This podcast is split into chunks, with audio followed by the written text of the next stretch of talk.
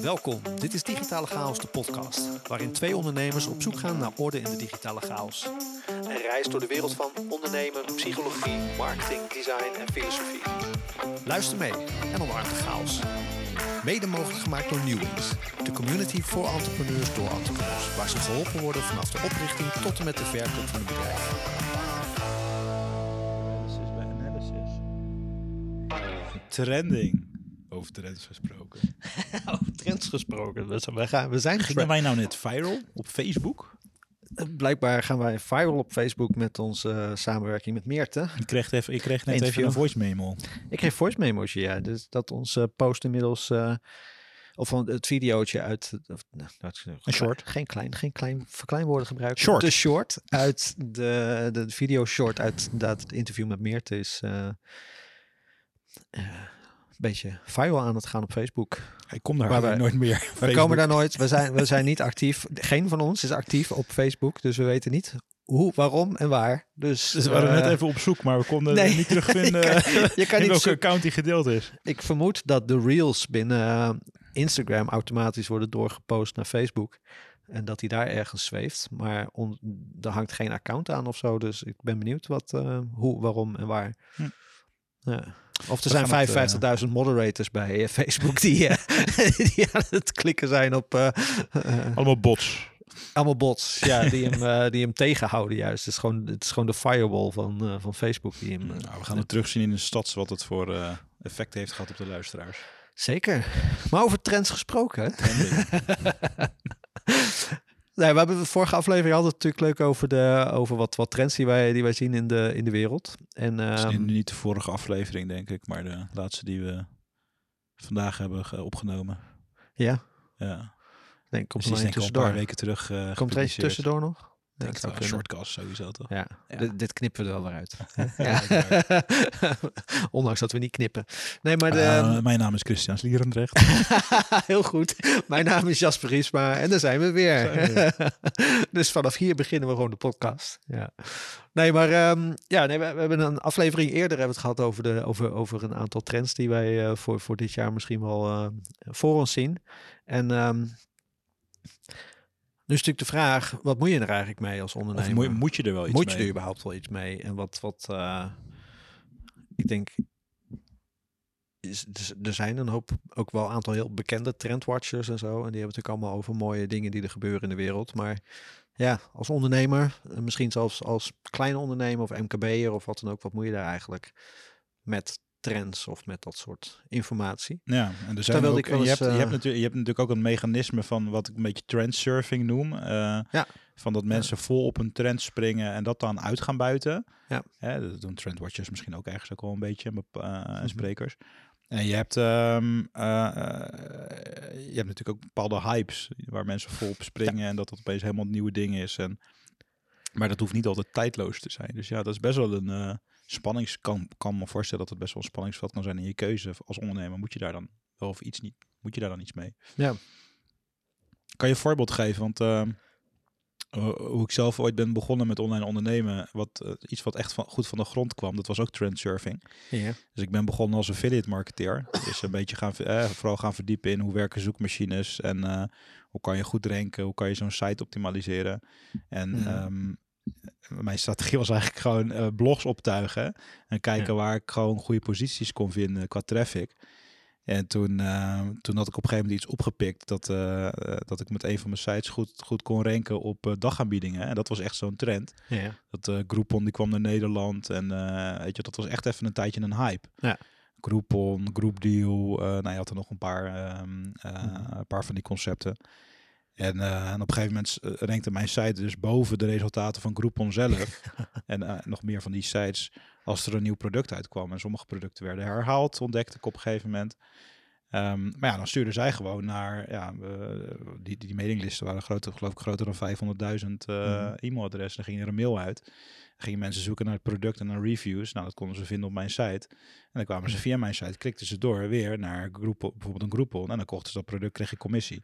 Ja. Ja, het is natuurlijk, als je erover nadenkt, er zit heel weinig waardetoevoeging in. Behalve dat je misschien wat reviews eh, op je site hebt staan.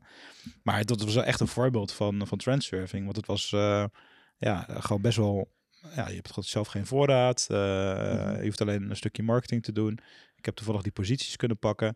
Ehm, maar ja, op een gegeven moment die markt die donderde weer in elkaar. En eh, iedereen Ja. kwam erachter, ja, er wordt gewoon veel shit, veel containers uit, eh, uit China eh, met relatief goedkope spullen wordt, wordt gedumpt, soort van. Mhm. En ook richting de. zeg maar, het core concept van Gro- Groupon was heel mooi. Weet je, de Ja. oprichter die heeft later ook een soort van afstand genomen van ik ben niet eens met wat daarmee gebeurd is. Dat ging over group buying. Dus dat je bijvoorbeeld bij lokale ondernemers dat je eh, een korting kon krijgen als je bij eh, als je een nieuw restaurant wilde ontdekken of zo. Dus het Ja. concept was hartstikke mooi. Maar dat is helemaal een soort van verneukt door de markt of door ja, opportunisme.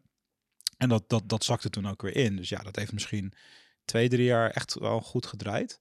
Ja. En toen zag je gewoon dat die, die curve van het ging heel snel omhoog. Daarna ging het ook weer vrij snel omlaag. En toen Ja. was het eigenlijk een soort van weg. En dat, ja, als ik daarover terugdenk van, ja, dat het is niet echt een sus- sustainable business model, maar het kan wel op de korte termijn heeft het mij ook wel gewoon geholpen om Mhm. eh, een soort van validatie te hebben van, oké, weet je, eh, online marketing werkt en ik kan er geld mee verdienen. Nou. Dus, ik, dus ja, ik zit er een beetje de dubbel in, zeg maar, wat dat betreft. Ja, misschien ben je het onderscheid tussen een hype en een trend misschien ook een beetje te pakken. Zo van nou, een, een trend is misschien wel iets wat, wat, zeg maar, wat langer impact heeft dan een Ja. hype. Maar het heeft natuurlijk wel dezelfde karakteristieken, zeg maar. Dus Nou ja, ik, ik denk dat, het ik begint denk, ik denk dat een hype zichzelf ook dus ook kapot kan maken. Dus dat is Ja. hier deels gebeurd, maar dat, dat eh, de, de, de, de dropship eh goeroes is ook zo'n voorbeeld. Ja. Van de, de overweging van oké, als jij gewoon een, een goede e-commerce business op kan zetten en je kan dat opschalen, waarom focus je dan niet op het schalen van je bedrijf en waarom ga je dat? Zeg maar, ik had dat trucje ook kunnen doen, zeg maar, en ik zie oké, ik draai een paar goede maanden. Dit is hoe je het doet. Ik ga een, een, een hooggeprijsd eh, eh, kennisproduct of, eh, of, of course verkopen voor een paar k. En ik leer jou hoe je dat kan doen, die affiliate marketing. Er zijn nog steeds Ja. mensen die dat verkopen. Ja. Hoe je dat doet, misschien zelfs in een specifieke markt, weet je wel, lekker niche. Ja, en vervolgens verneuk ik mijn eigen markt, want iedereen gaat dat doen. Dus het is, als je erover nadenkt, is, is, is het inzetten op een hype is eigenlijk ehm, ja, niet een heel sustainable business model. Nee, nou ja, je ziet natuurlijk ook in speelgoed vaak gebeuren. De dingen als de fidget spinner en de, de Scooby-Doo touwtjes van het verleden en dat soort dingen. is natuurlijk iets wat heel hard opkomt, maar net zo hard weer neerstort, zeg maar. De Furbies, de Flippo's. Ja, ja. ja dat zijn ook allemaal van die voorbeelden, weet je, waarin je gewoon iets Tegen- wat... Tegenwoordig heb je Monster High. Zegt jou dat iets? Nee, zeg maar helemaal Ja, niks. goed. Dus eh, poppen en zo. Oud, ja. helemaal uitverkocht. ja. Maar ja, je, kan, je kan er op de korte termijn dus heel veel, eh, Ja. heel veel geld mee verdienen. En ehm, ja, ik, ik denk dat als dat, jou, als dat jouw ding is als ondernemer, van je vindt het leuk om iets op te bouwen en het dan weer op tijd, eh, je krijgt een beetje een neusje voor, je kan het op tijd weer van de hand doen, ja, dan kan je nou het volgende en dan zou je een soort van, je zou daar een business op kunnen, een soort van serial entrepreneurial aanpak op kunnen definiëren. Dat zou kunnen. ja, dus dan ben je gewoon een, een hype, hype surfer als beroep, zeg Een hype server. ik denk wel dat er heel, heel wat ondernemers, of eh, dat er, ik denk vooral in de handel, dat, dat, dat daar een aantal mensen zijn die daar gewoon echt wel heel goed in zijn. Gewoon elke keer als zo'n hype opkomt, dat op tijd signaleren en daar volop inzetten en dan op tijd daar weer uitstappen, denk ik. ja, dat, denk ik ook. Dus dat het heel erg eh, hangt, wel afhangt high- van bedrijfstak ook. High risk, high gain Ja. spelletje, maar Ja, dat is ook inherent een beetje aan het trading. En je ziet kansen en die pak je. En dat zit vaak verweven met een bepaalde tijdsgeest of eh, bepaalde ontwikkelingen. Weet je, eh, hadden Mhm. heel veel van die commodity traders die, oh, het is oorlog, denken ze, oh, nou, daar gaan we lekker aan verdienen, weet je wel. Ja, ja. Dus het, eh, ja, goed, als ik het end, als ik het end op ons eigen vakgebied, zeg maar, een beetje, als je kijkt naar de marketinghoek en, en de samenwerking, en dan, ja, weet je, daar zie je natuurlijk ook mensen die springen vol op AI bijvoorbeeld. Ja. Als, je, als, je, als, je nog, als je nog niet echt ontdekt hebt wat, wat jouw ding is, ja, dan, eh, dan, kan, dan kan het denk ik een goede leerschool zijn. Alleen, ja, het heeft denk ik ook wel, het heeft denk ik ook wel wat nadelen. Ja, en ik denk wel, dat, vandaar dat ik zeg van het verschil tussen een hype en een trend. Want ik denk, een, een hype is iets wat heel snel opkomt, wat ehm, misschien ook net zo hard weer uitdooft. Ja. Maar bij een trend ehm, is het iets wat misschien wat langzamer opkomt, maar dan vervolgens een soort van settelt. Versne versneld en dan stabiliseert. Ja, want ik denk dat, dat heel veel trends nog steeds van een hype piek kunnen hebben. Zoals bijvoorbeeld AI, hè, is een heel mooi voorbeeld. eh we blijven erop terugkomen. Maar ehm, eh, zoiets AI was er eigenlijk al, dat kwam langzaam op en in heel veel dingen werd het steeds meer geïntegreerd. Zo'n ChatGTP was een hype, die, die hyped het helemaal op. Nou, dat, daar is een piek ontstaan. Maar dat settelt wel weer op een bepaald niveau, dat normaliseert zeg maar een bepaald niveau. Terwijl bijvoorbeeld als je het hebt over een speelgoed of een artikel of wat, je ziet nu met die Stanley Cups in Amerika, die, die grote drinkbekers van, van dat merk uh, Stanley, wat een uh, merk is voor uh, mesjes en werk, werkkleding en werktuig, zeg maar. En um, nou, dat is nu een ontzettende hype. Die, die, die, um, um, die verkopen echt als, als een malle. En daarvan is het risico wel weer groot dat die markt op een gegeven moment helemaal in elkaar stort. Ja, dus eigenlijk, we zouden hem naast elkaar kunnen zetten van aan de ene kant heb je handel of producten en aan de andere kant heb je dienstverlening of zakelijke dienstverlening, zeg maar. En dan mhm. zou de hypothese kunnen zijn van hey, in, die, in, die, in die zakelijke dienstverleningshoek is het misschien wel goed om na te denken, moet je wel op elke hype train uh, springen die je voorbij ziet rijden? Ik zit zo even na te denken van is dat zo? Is, is het zo dat dat het voor producten gevoeliger is dan voor um, diensten. Zijn er diensten die een hype werden en toen weer instorten? Nou, gelijk zo'n uh, zo'n collectieve, uh, hoe noem je dat, uh, blank, blackout. Ja, nou ja, misschien, misschien geeft het wel aan dat het minder gevoelig is voor, voor hypes. Ja. Van, ja, uh, het is niet een, een hype geweest dat opeens iedereen een tuinman wilde en toen een jaar later niet meer. Ja. ja. Um, je ziet daar wel spikes in en, tre en, trends die ook wat korter kunnen duren. Net zoals uh, dat opeens uh, veel meer mensen dingen thuis lieten bezorgen met corona. Maar dan heb je een soort van externe trigger of zo. Ja. Ja, ik denk dat sowieso is het natuurlijk voor producten is het een heel stuk concreter en zijn de gevolgen misschien ook wat, wat aanwijsbaarder of wat, wat, wat duidelijker, zeg maar. Maar uh, ja. Ja, ik denk dat we, kijk, zeg maar, als je het dan over trends hebt, dan kunnen dus een aantal voordelen, voordelen aan zitten. Dus je kan dan op korte termijn meeliften op, uh, op een trend, omdat die gewoon top of mind is. Hè? Net als uh, een paar episodes terug dat we het hadden over een paar wat macro trends. Mhm. Iedereen heeft het over AI. Ja. iedereen heeft het over climate change. Uh, weet je, er zijn gewoon bepaalde dingen die best wel top of mind zitten. Dus het, het, geeft je wel de mogelijkheid om op korte termijn snel cashflow te genereren, bijvoorbeeld, daardoor. ja, maar wat, ik, wat daar wel het interessante is, um, zeg maar, zeker als je het, AI is het meest concrete, maar op welk moment als ondernemer maak je de stap om er wat mee te gaan doen, zeg maar, of je erin te gaan verdiepen. Want mhm. ehm, we weten ook wel, zeker als het hebt over technologische trends, die gaan zo hard. Um, op een gegeven moment moet je wel de overweging maken van waar doe ik wel wat mee en waar doe ik niks mee. Ja. En um, waar kan ik wat mee en waar kan ik niks mee? En op welk moment word ik voorbij uh, gevlogen door mijn concurrentie als ik er niks mee doe? ik denk dat dat het moeilijkste is aan aan, aan die trends identificeren. Dus aan de ene kant is het al van oké, is dit een trend of is het een hype? Mm -hmm. dooft het net zo hard weer uit als dat het opkwam. Ehm, en is het dan iets waar ik wat mee moet? En daarin heb je natuurlijk altijd de early adapters die goed gegokt hebben op een trend. Die zeggen van ik ga hier volop insteken. Uh, die zijn op korte termijn succesvol, want die zitten op die hypegolf. Uh, wanneer het normaliseert, hebben zij een voorsprong, omdat ze al um, drie, vier stappen verder zijn op het gebied van het adopteren van zo'n technologie of zo'n mm trend of een tool of wat dan ook.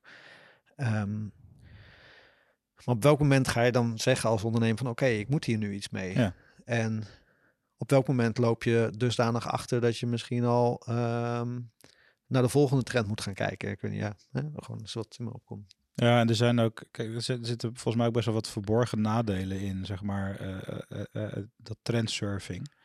Dus die, Er zijn nadelen, maar die zijn wat meer verborgen vaak. Dus um, zeg maar, alle energie die je in die trend steekt, die, die, zijn, die zijn heel vaak niet. Zeg maar, als, als, als de trend meer neigt naar een, um, naar een hype, dan zijn ze dus vaak niet evergreen. Of, of zeg maar, uh, die, als die spike over is, zeg maar de energie die erin steekt. Dus mm afzet tegen customer lifetime value bijvoorbeeld. Dus dan kan je, stel je voor je hebt een, een hype die, eh, die een jaar lang heel goed draait. Dan kan je in een jaar lang heel veel geld verdienen. Mhm. Ehm, alleen um, elke klant die je binnenhaalt, die is na dat jaar ook weer weg. Dus uh, zeg maar, alle energie die je steekt in het binnenhalen van die klanten, ja, die zal het jaar daarna, bij wijze van spreken, hè, geen, geen omzet meer, meer binnenhalen. Ja. Dus het is verloren energie, maar dat, dat, dat heb je vaak niet door, omdat het keihard gaat op een korte periode, zeg maar. Dus dat is een soort verborgen nadeel, denk ik. En je hebt ook, ja, hoe meer focus je legt op trends, hoe minder focus je een beetje op die tijdloze principes gaat leggen. Dus als je, zeggen, laten we zeggen, 80% van je focus op trends legt en 20% op de, op de rest van de operatie, van hoe, hoe, hoe, hoezeer blijf je dan investeren in tijdloze principes die, die altijd werken? Terwijl je ook zou kunnen zeggen van, je zou ook een verdeling kunnen pakken hè, van oké, um, uh, 60% van, van de tijd gaat gewoon in de, in de tijdloosheid. 20% gaat in het, het exploren van de trends of zo. En 20% gaat in, in een soort van ja, ruimte voor experimenten creëren om, om daarmee uh, uit te testen wat werkt in de markt. Dan moet je denk ik een beetje balans in zien te vinden. Ja, ik denk dat dat... Um, ja, dat kwam bij me op omdat, om het even wat concreter te maken. Zo van op welk moment um, duik je op een trend en hoeveel energie steek je erin? Ik denk dat dat, dat, dat een belangrijke overweging is. Maar ook inderdaad de, ehm, de oplossing is... Ja, dit, komt, dit raakt innovatie natuurlijk heel erg. Maar dat je um, zeker, zeker stuk van je aandacht richt op wat is, er, wat is er nog meer in de wereld, zeg maar? Wat, wat, wat zijn de dingen die gebeuren en wat moeten we daarmee? Ja. Het komt een beetje terug op de principes die, uh, ik, weet, ik weet geen exact, exacte bron meer, maar um, dat je bijvoorbeeld altijd bezig moet zijn met um, wat gaat ons overbodig maken in de markt? En, ja. um, uh, en je daar een deel van de tijd op focussen. Zo van oké, okay, wat, wat gaat straks in onze markt gebeuren? Of wat zou een hypothese kunnen zijn wat er in de markt gaat gebeuren, waardoor wij niet meer nodig zijn? Zeker in de dienstverlening bijvoorbeeld. En daarop gaan voortborduren en misschien zelfs een, een, een kleine start-up op gaan maken of, of een projectteam aan gaan wijden van nou, ga dit, ga dit product eens uitdenken. Van dit is de volgende stap in deze markt, dus laten we hier eens mee aan de slag gaan. En dat klein houden en experimenteren. Ik denk dat dat wel een. Uh, maar ik denk ook, zeg maar, eerst, eerst dat uitzoomen van oké, is, is zeg maar de, de, de, de markt waar ik me op focus. Wat gebeurt daarmee? Is die, is die uh, groter aan het worden, kleiner aan het worden? Ja. dus, dus, als je me helemaal breed trekt, van, dan kan je ook kijken van per generatie. Van oké, nou, groep babyboomers wordt groter. dus als je een product ontwikkelt wat afgestemd is op de babyboomer generatie, ja, dan, dan heb je dus een groeiende, groeiende groep tot een bepaald moment, wellicht. Ehm, eh, en dat zijn soms mechanismes die, die een ondernemer niet altijd, uh, um, altijd monitort of zo. Dus het, um... Ja, het is wel grappig. We hebben nu een beetje het sprongetje gemaakt van, uh, van we hadden het net over de macro-trends. En dat zijn natuurlijk een beetje de, de wereldtrends, de grotere trends waar je over het algemeen die wat langere tijd nemen en waar je eigenlijk geen invloed op hebt. Dat zijn dingen die gewoon gebeuren. En je hebt natuurlijk de, de toestand meso-niveau, waarin je meer kijkt naar je bedrijfstak, je afzetmarkt, dat soort dingen. Dus waar je uh, beperkt invloed op hebt, zeg maar, op hebt. En, en, en um, um, je wel zeg maar wat, wat, wat concreter mee te maken hebt. En dan ga je, je, ziet, bijvoorbeeld in, uh, in, de, in de marketing of webdesign hoek van het wordt steeds makkelijker om je eigen web, web, uh, website te maken zonder code. Ja. Dus no code, low code. Dus eh, die trend die wij, wij bijvoorbeeld al langer scherp hebben, um, ja, weet je, op, op een gegeven moment wordt het gewoon heel simpel. Iedereen die, die in potentie een website wil, wil maken zonder dat het moeilijk is, die kan het zelf doen. Ja. Alleen dan is gewoon, jouw markt is niet meer uh, de hele markt die een website nodig heeft binnen een bepaald segment. Maar het zijn alleen nog, alleen nog maar de mensen die er gewoon geen tijd of zin in hebben om, om zelf met een paar klikken zo'n ding in elkaar te zetten. Ja. Dat verandert dan. Ja. Ja, die is natuurlijk wel een stuk concreter. Zo van wat, wat zijn de, denk, ik denk dat daar heel veel ondernemers, of tenminste veel ondernemers wel iets scherper op zijn. Die, die meso-trends, dus wat gebeurt er in die bedrijfstak, wat gebeurt er in die um, in onze afzetmarkt en wat, wat gaan we daarmee doen? Ik denk wel dat, dat het soms wat actiever kan of nog iets, iets verder vooruitkijkend zeg maar kan, kan gebeuren. Maar daar zit ik ook altijd wel het risico in van ik zie iets gebeuren en um, moet ik daar nu acuut iets mee? Of is dat potentieel ook weer een hype bij wijze van ja, ik, ik, ik, denk dus dat je daar consistent tijd voor moet inruimen. Weet je wel, dat, uh, dat is natuurlijk uh, het Google voorbeeld van de 20% één dag in de week experimenteren mhm. met eigen projecten. Ja. kijken, uh, voelen we naar trends in de markt. ik denk wel dat er een soort, soort van, het zal verschillen per bedrijf, maar dat er een soort balans mogelijk is tussen um, exploren richting, oké, wat, wat, wat voor nieuwe mogelijkheden zijn er, het uittesten daarvan. Mhm. En gewoon business as usual gestoeld op, op tijdloze principes. Dus wat mij betreft is de gewoonte aanleren van uh, je voersprieten in de markt houden en, en kleine experimenten runnen. Dat moet eigenlijk een soort van tijdloos principe zijn bijna. Ja. Wat je omarmt als routine, of uh, niet als routine, maar ja, als, als ritme in je, in je bedrijfsvoering. Kijk, ik, ik denk dat het heel erg waardevol kan zijn als je gewoon, als ieder, bij wijze van spreken, ieder dienstverlenend bedrijf intern een soort van intern lab, labje zou hebben. Je kan het zo klein maken als je wil, mhm. maar gewoon een soort van um, uh, businesslijn die helemaal nog niet profitable hoeft te zijn. Maar waar je gewoon continu een soort van hele kleine, kleine proefballonnetjes uit oplaat. Ja. En daar, daar kan je dan de combinatie pakken van wat doen we nou eigenlijk voor welke doelgroep? Mhm. Wat zien we gebeuren in de markt? Hoe ontwikkelt die doelgroep zich? En hoe kunnen we dat combineren met eventueel een trend die we zien? En dat je daar gewoon continu kleine campagnetjes en, en, en, en hypotheses op loslaat. In de vorm van content of in de vorm van bijvoorbeeld een, een paid campagne naar een landingspagina met een met een, uh, met, met een voorloopproductje of zo. Of een, uh, grappig, het is grappig dat je gelijk de marketingbril daarin opzet. Ja, want dit is, dit is letterlijk, dit is, dit is bijna de taakomschrijving van een business designer, zeg maar. Ja. Waarin je um, gewoon ook in een, in een bedrijf um, iemand hebt rondlopen die afdeling overstijgt en um, ook gewoon gaat kijken van oké, wat, wat, wat gebeurt er in de markt en zijn er nieuwe proposities of nieuwe businessmodellen of nieuwe ja, of innovaties in Innovaties, zeg maar, binnen het bedrijf of buiten het bedrijf te bedenken die, uh, die, uh, die waarde toe kunnen voegen aan de organisatie. Ja. Ja, ja cool. Ja. Ik, weet, ik had iets in mijn hoofd wat ik net nog. Wat me triggerde voordat ik het hele business design ding. Uh,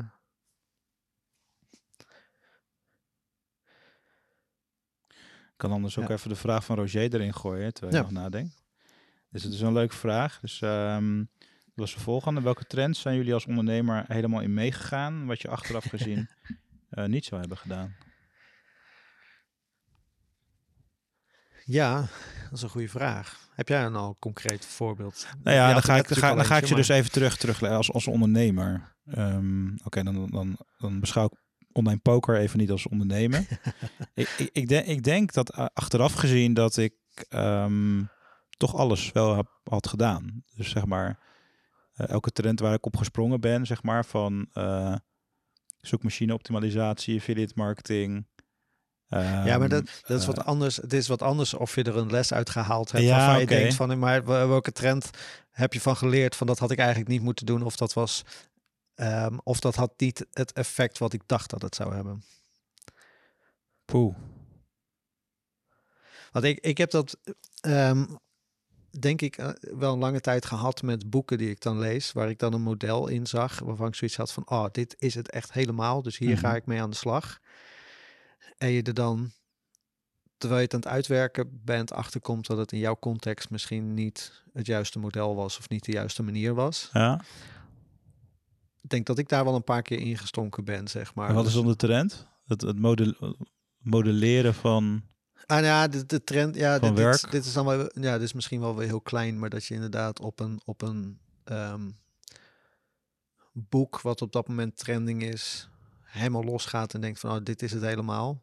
En dan eigenlijk erachter komt van, ja, in mijn context, of, of het is eigenlijk helemaal niet zo bijzonder als dat het leek dat het was, zeg maar. Ik denk dat dat het wel... Uh, ik, denk, ik denk dat ik qua bedrijfsontwikkeling wel redelijk on point zat. Ik denk dat ik eerder hier en daar spijt heb dat ik bepaalde trends of intuïties niet heb gevolgd. Ja. Ze hebben wij ooit een keer uh, eh, 30 bitcoin aangeboden gekregen als vergoeding voor, een, uh, voor een opdracht van 300 euro. En daar hebben we toen uh, nee tegen gezegd. daar had ik nu heel wat meer van kunnen maken. Ja. Maar ik, denk, ik denk, ja, maar daar, daar, daar zit hij denk ik voor mij ook wel een beetje in die hoek. Want als ik hem terugdenk, zeg maar, vanuit was natuurlijk heel erg lang in de marketingwereld de, de trend inbound marketing, e-mail automation en dat soort mhm, dingen. Ja. En um, daar gewoon voor een bepaald deel ook gewoon in meegegaan. En um, uh, dingen die een tijd lang ook goed werkten. Maar eh, als ik hem dan helemaal terug weer, zeg maar, terug afpel naar voor, voor oké, maar wat gaat er dan in en wat past goed bij je en ook eh, wat werkt intuïtief goed, dan, dan, gaat, dan kan ik het helemaal terugleiden eigenlijk naar schrijven, naar elke dag schrijven. Ja. En mijn aandacht is dus best wel veel naar van die randzaken gegaan. Die gingen over, oké, ja, want je kan dingen automatiseren en, eh, en opschalen. En, en dan was je allerlei dingen aan het doen waarvan dan gezegd werd van ja, dat is the way to go nu. Ja. Maar eh, uiteindelijk kom ik er nu weer achter dat je, je kan het veel beter dichter bij jezelf houden. Gewoon kijken van oké, wat kan ik gewoon elke dag doen wat goed past bij mijn bedrijf of bij, bij mezelf. Ehm, eh, en, en daar haal je uiteindelijk het meeste uit. Eh, en hetzelfde ga- ga- gaat over het maken van die intuïtieve keuzes. Want dat zit denk ik op een beetje op dezelfde, op dezelfde lijn. Hou je dicht bij jezelf of kijk je puur naar wat de markt roept dat je moet doen? Dat is een van die tijdloze principes die elke keer weer terugkomt. Hè? Elke keer weer bevestigd wordt. Blijf bij je kern, blijf dicht bij jezelf. Ja, Ja. ja. maar dat is ja, zelfs als je dat doortrekt naar, ehm, naar branding of naar eh, een personal brand of naar zeg maar een ondernemer, is wel degene die een soort van het DNA van het bedrijf is. Heeft dat niet altijd scherp, zeg maar, in de eerste aantal jaren dat je onderneemt. Eh, maar hoe scherper je dat krijgt, hoe, ja, eh, hoe, hoe minder gevoelig je denk ik ook wordt om te springen op die hype train of op die trend, op die trend surfboards. Uh, Ja. Want ik denk dat je op een gegeven moment leert dat je het heel slim kan combineren. Dus je kan heel makkelijk op een gegeven moment kan je profiteren van een trend en dan de combinatie maken van wat doe je nou eigenlijk tijdloos. En dat doe je maal die trend. En dan, en dan, ja, dan kan je daarop surfen. Maar dan kan je hem Ja. ook weer vermenigvuldigen met eh, een andere trend als die trend wegzakt. Of als dat niet meer je ding is, zeg maar. Ja. Dat, dat, dat, dat is een beetje hoe ik er nu naar kijk. Als je iets meer vanuit je kern werkt, dan kun je slim inspelen op trends, maar je, bent, je wordt er niet door geleid. Je wordt er niet door gekaapt of zo. gekaapt. Ja. Ja. En dat, dat, zie je, dat zie je in de praktijk vaak wel gebeuren. Want ik ken ook mensen die gewoon van trend naar trend zijn gesprongen. Dat was dan eerst, eerst zaten ze dan op eh, eh, bijvoorbeeld op de opkomst van Omnichannel of zo. Of Mhm. eh, eh, retail nieuwe stijl. En dan daarna is het bitcoin. En dan daarna is het weer iets anders. Nu is het AI. En Ja. ja, en, en het, kan, het kan werken, ja. Maar ja, dan, ben je, dan is je uitgangspositie dus de trend en niet jezelf. Of niet hetgeen wat je het liefste doet. Of misschien is dat gewoon je- trendhoppen, dat zou kunnen. Totdat hè? je jezelf positioneert Als trendhopper. Als, trendhopper of inderdaad Precies, als, eh, als early adopter, zeg Ja. maar. En jouw brand is early adoption. En Ja. dan kun je natuurlijk al die trends op die manier eh, aanvliegen. Ligt a- afhankelijk van hoe je, wat je insteek is. Maar ja. Ja, interessant. Dus moet je iets doen met trends. Dat is denk ik heel erg afhankelijk van wat voor type onderne- ondernemer je bent. Ja, maar ik denk wel dat we daar net een beetje raakten van als je. ehm,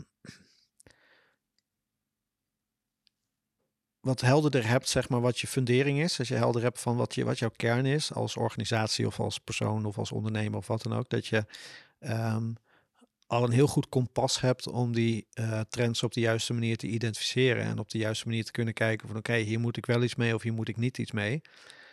En dat dat dan ook Wat zouden dan vragen dat je minder gevoelig bent voor eh, als, het een, als je er een keer naast zit, dat je dan denkt van, oh, had ik maar, of wat dan ook, denk ik. Wat zouden dan vragen zijn die je jezelf kan stellen? Om dat te ontdekken. Om die kern eh, te... te Ja. ehm, ja, ik denk dat je dan toch wel een beetje terugkomt op die... Ja, ik denk gewoon wel een stukje zelfkennis eh, belangrijk is, in de zin van, wat vind ik belangrijk? Ehm, probeer weg te blijven van de dingen als kernwaardes en zo, omdat dat Waar kom, ik, eh, de- waar de- kom je 's ochtends je bed voor uit? Waar word je enthousiast van? Wat brengt je in beweging en houdt je in beweging? Ja, ja denk Wat wel. geeft je eh, energie? Al meer energie dan dat het kost. dat soort vragen, denk ik wel. Ja, Maar dat is, ja, dat is zo grappig. Dus dat zit hem veel meer op beweging. Ik, ik heb dus in mijn laatste shortkastje een beetje Hm. de, het verschil tussen eh, zeg maar, doelen en intenties. En die intenties zitten veel meer op beweging. Eh, terwijl die heel goed samen kunnen werken met doelen. Ja. Maar een, een, ik denk dat een, ehm, een opportunistische trendsurfer of hype... eh, ja, hoe kunnen we een mooi woord voor, voor verzinnen? de hype Hype surfer. grabber. dat die, die gaan met name op kwantitatieve doelen snel bereiken. ja, En als je dan meer de long-term, uh, nou, de long-term trendsurfer pakt, die combineren denk ik dus doelen met dus wat meer intenties eh, gedreven beweging. Mhm. En eh, die, die, die ondernemer kent zichzelf goed. Die, die, die, weet, die weet ook dat, ehm, eh, dat hij of zij blij wordt van meer dingen dan alleen maar gekwantificeerde, doelen. Ja. En misschien zijn er ook, er zijn ook ondernemers die alleen maar dat, die alleen maar dat voldoende vinden. Ja. Ehm, maar ik denk wel dat als je, als je dat beide scherp hebt, dan, ehm, eh, dan wordt het veel makkelijker om die keuze te maken. Dus om dat kompas een soort van eh, eh, scher- scherp te houden, gericht te houden op waar je echt naartoe wil. Ja, dat denk ik wel. Ja. Ja, en ik denk, ehm, kijk, voor mij heeft het best wel tijd geduurd voordat ik, zeker als, als je kijkt naar, zeker naar macro-trends en dergelijke bijvoorbeeld, om, om te zien wat ik er nou mee moet en wat ik ermee kan. En ik denk dat voor mij een deel daarvan te maken heeft met het feit dat ik mezelf beter heb leren kennen, maar ook de, de zeg maar de, de even heel plat gezegd, de missie, visie, strategie van mijn bedrijf beter kon formuleren. En wij hebben op een gegeven moment, bijvoorbeeld een paar jaar terug, ehm, besloten om te voldoen aan de ISO 9001 certificering. En een van de stappen daarin is de context van je bedrijf in kaart brengen. En dat, dat is dus letterlijk gewoon ook je, je macro, meso, micro analyse uitvoeren, zeg maar. En ik, zeker die macro-analyse, ja, op, op mijn opleiding en dingen, ik moest altijd wel uitvoeren. Maar ik had zoiets van, ja, leuk dat de politiek ehm, eh, aan het rommelen is. Maar wat, ja, ik ben maar een ondernemer die eh, design, eh, of een grafisch designer was ik toen. eh, van, wat, wat, Het- het- het- Hetzelfde als al die SWOT-analyse. Ja, zeg maar. Dat, ja, wat- ik- moet ik ik geef- daar- geef een gegeven moment een soort aversie tegen ja, externe factoren. Nee, ja, wat moet ik daarmee op een gegeven moment, weet je wel? En nu moest je hem invullen en er zit dan een onderdeel risico's en kansen in de ISO. En we hadden dan een soort, we hebben daar een soort register voor. En dan ga je ineens nadenken van oké, wacht even, als die politiek een beetje onrustig is, dat betekent dat mensen zich een beetje onrustig voelen. Eh, onrustige mensen, die, die worden onrustiger om geld uit te geven. Dus, hé, hey, wacht eens even. of ze gaan preppen. feit- ja, Of ze geld uitgeven aan preppen. preppen, ja. Maar dan zie je bijvoorbeeld dat UX-design, eh, zeker een paar jaar geleden, soms nog wel eens gezien wordt als een luxe product. Als eh, het design is toch iets wat je, waarmee je iets mooi maakt in de ogen van veel mensen. Eh, dus het wordt een beetje een luxe product. Dus ehm, zenuwachtige mensen, of zenuwachtige bedrijven, ehm, zijn minder geneigd om daar geld aan uit te geven. Dus dan zie je gewoon dat het wat uitdagender wordt om te verkopen. Dus dat je gewoon sales challenges gaat krijgen, omdat er een beetje een onrustige hype of een onrustig eh, gevoel hangt. Dus ineens zie je daar van oké, wacht even. Ehm, dat gevoel van onrust, daar moeten we iets mee in onze Mhm. sales. Ja. Ehm, hetzelfde met bijvoorbeeld Onrust wegnemen. maar hetzelfde zie je bijvoorbeeld op sociale trends. Als je het hebt over bijvoorbeeld eh, de opkomst van inclusiviteit. Ehm, ja, als je daar eens over na gaat denken van... hé, hey, misschien moet ik daar ook wel eens rekening mee gaan houden... als ik, of bewust van zijn als ik eh, sollicitaties uit, vacatures uitzet... of als ik eh, foto's ga maken voor bepaalde producten of diensten of wat dan ook... moet je daar ook rekening mee houden. Dus ehm, ik denk dat het het, het praktisch toepasbaar maken van bijvoorbeeld dingen als macro-trends. En om het even terug te refereren naar, kijk, het zijn niet de dingen die je morgen gelijk helemaal anders hoeft te doen of moet doen. Maar ik denk wel dat het goed is voor, voor veel mensen om gewoon eventjes te kijken van, oké, wat zie ik in de wereld gebeuren?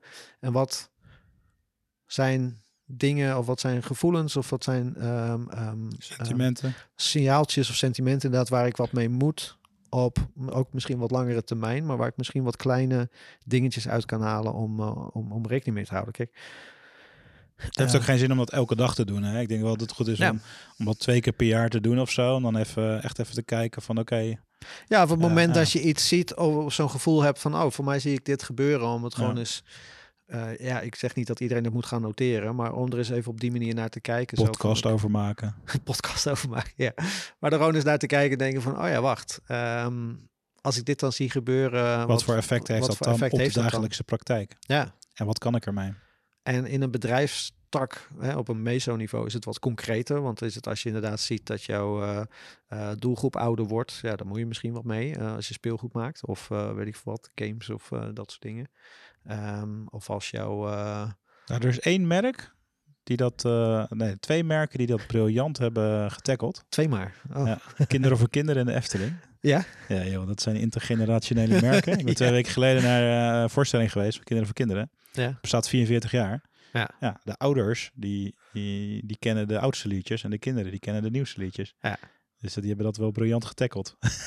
die, nee, maar dat is mooi. Dus er zijn dus ook merken die, eh, die zijn niet afhankelijk van trends. En juist door heel dicht bij hun soort van evergreen kernwaarden te blijven. eh, ehm, eh, Efteling is daar een mooi voorbeeld van. Iedereen krijgt Ja. een mooie beleving. En elke generatie gaat minimaal één keer daarheen. Als kind, als ouder en als grootouder.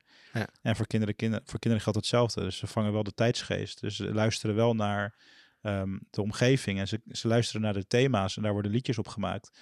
Maar die liedjes die zijn heel anders nu dan 40 jaar geleden. En de producties zijn anders. En dat is mee, mee geëvolueerd. Maar de, eh, eh, het bestaat wel binnen dat merk en dat kader. Blijft het gewoon bestaan. En, en blijft het resoneren. En dat, dat vind ik wel tof om, eh, om te zien. Dus dat kan. Ja. Het kan ook dus op een hele tijdloze manier. Kan je rekening houden met ehm, signalen eh, en sentiment uit de markt. Eh, maar je kan daar wel een heel tijdloos concept, merk of bedrijf mee bouwen. Ja. ja, dat is wel mooi. En ik denk dat er ook natuurlijk al bedrijven de mist in gegaan zijn die misschien iets te veel uit hun generatie bleven vasthouden, waardoor ze te veel veranderd zijn of Ja. te veel wilden blijven in een specifieke generatie of in een specifieke leeftijd misschien en dan ook de plank misslaan, zeg maar. Ja, ik moet, ik moet ook eerlijk zeggen, hoe, hoe ouder ik word, hoe, meer, eh, hoe minder ik geneigd ben om op trends te springen. Dus natuurlijk, eh, hoe, hoe, hoe, hoe, meer levenservaring je hebt, hoe meer trends je hebt gezien en voorbij hebt zien komen. Mhm. Ehm, waarvan ik in achteraf natuurlijk nog steeds kan zeggen van oké, weet je, ik, ik heb een tijdje op, eh, op crypto heel actief gezeten. En ik weet nog steeds dat als ik daar die, diep ingedoken was, dan was ik nu miljonair, of nou, multimiljonair geweest, zeg maar. Ja. En, ehm, eh, maar daar heb ik geen spijt van. Want dan, dat, dat, dat, dat trade-spelletje is niet mijn ding. Nee. Ehm, het zit hem op andere vlakken, weet je wel? Ah, interessant. Dus is het naarmate je ouder wordt, worden die eh, materialistische dingen minder belangrijk of die kwantitatieve doelen minder belangrijk? Ja, Of? voor mij beide.